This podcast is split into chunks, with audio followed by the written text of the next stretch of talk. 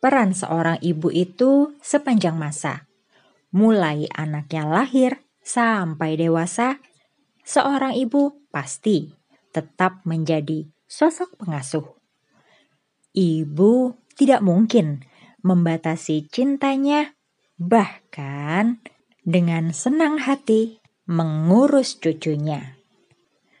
Dewi Setiorini berkisah dalam podcast sama Manda tentang sebuah kesempatan yang luar biasa untuk mendampingi cucu yang istimewa sekaligus menjadi pahlawan sejati untuk buah hati.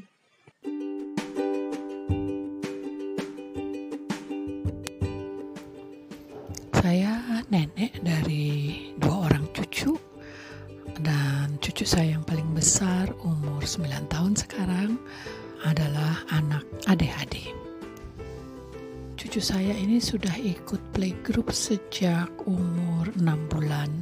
Hanya kelompok bermain seminggu dua kali untuk melatih motorik dan bermain bersama. Setelah dia umur 2 tahun, kelas yang sudah sekolah seminggu tiga kali, itu kami dikabari oleh guru-guru di sekolah. Dia cuek dengan teman-teman dan ada beberapa hal yang seharusnya di umur itu sudah menjadi uh, keahliannya ternyata dia tertinggal. Nah, guru-guru di sekolahnya menganjurkan supaya dia diperiksakan ke dokter. Dari situlah kami tahu bahwa cucuku yang pertama itu ADHD. Kami semua tidak ada yang tahu tentang masalah itu, tidak ada yang menyelami psikologi, kita hanya mengandalkan cari informasi dari Google, banyak baca. Anak saya yang mencari bantuan untuk memberi les tambahan. Kami dianjurkan untuk memastikan bahwa exposure-nya terhadap TV dan gadget dikurangi. Jadi dia harus mengalami perubahan besar untuk makan tanpa gadget karena sebelumnya setiap kali makan selalu sambil bermain menonton TV acara anak-anak tentunya ya. Kali ini tidak dan acara nonton TV selalu dibatasi hanya setelah dia selesai makan malam. Di rumah waktu itu cucu masih tinggal dengan besan, mereka sepakat untuk banyak memberi dia mainan yang make believe gitu ya. Jadi seolah-olah dia itu tukang isi pompa bensin atau masak-masak main sepak bola uh, upayakan dia baca cerita. Jadi banyak dibelikan buku. Hampir tiap malam selalu diceritakan dari buku beda-beda oleh orang tuanya. Dibutuhkan waktu dia di tingkat akhir TK uh, shadow teacher sebab ia harus selalu dibantu untuk memusatkan konsentrasinya pada apa yang dibicarakan di sekolah. Nah, sayalah waktu itu yang menjadi shadow teacher kami dianjurkan untuk menambah play therapy, speech therapy, dan juga ada terapi lain untuk merangsang cara ia bereaksi terhadap stimuli dari luar. Lama-lama setelah ia lebih terlatih dengan terapi-terapi itu, akhirnya shadow teacher tidak dibutuhkan lagi. Dan karena anak saya juga sibuk bekerja dan bapaknya juga sibuk bekerja, maka anak saya minta supaya saya sebagai nenek saya mengantar dia ke berbagai terapi.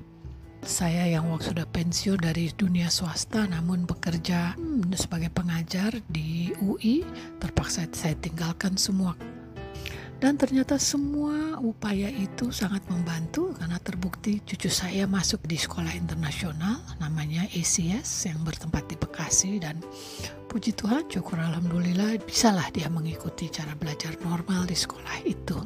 Walaupun kami juga khawatir bagaimana dia bisa konsentrasi di sekolah. Jadi saya terjun langsung untuk membimbing, ia membuat PR, mengkaji pelajaran-pelajarannya di sekolah sekarang dia sudah kelas 4 dan rapotnya termasuk baik. Dia baik di matematika dan fisika, namun bahasa dan segala hal yang kualitatif dia perlu kesabaran, perlu selalu dibimbing, diingatkan untuk lebih teliti membaca dan menangkap detail untuk bisa melakukan tugasnya dengan baik.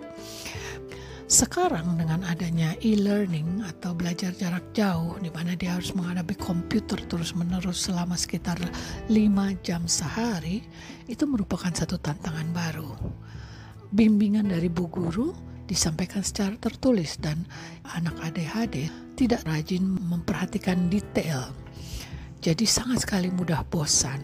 Tanpa hadirnya orang di situ, dengan adanya gadget di mukanya, mudah sekali ia terkecoh konsentrasinya dengan hal-hal yang lebih menarik. Saya duduk di sebelahnya dan terus mengingatkan untuk tidak menoleh atau beralih ke pikiran lain. Seringkali dia juga mencuri-curi main game di saat pelajaran, itu pun harus kami jaga selalu dan diingatkan untuk kembali ke pelajaran. Tapi ya begitulah, suka duka seorang nenek di masa PSBB dengan tantangan e-learning mendampingi cucu yang ADHD. Terima kasih. Jika ada sosok wanita yang jago mendidik, sabar mendengarkan, dan selalu punya waktu, pasti dia adalah Eyang Putri.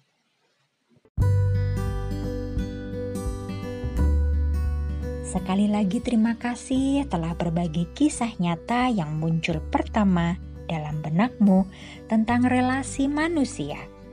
Podcast sama Manda mengajak mengurai rasa menjadi makna.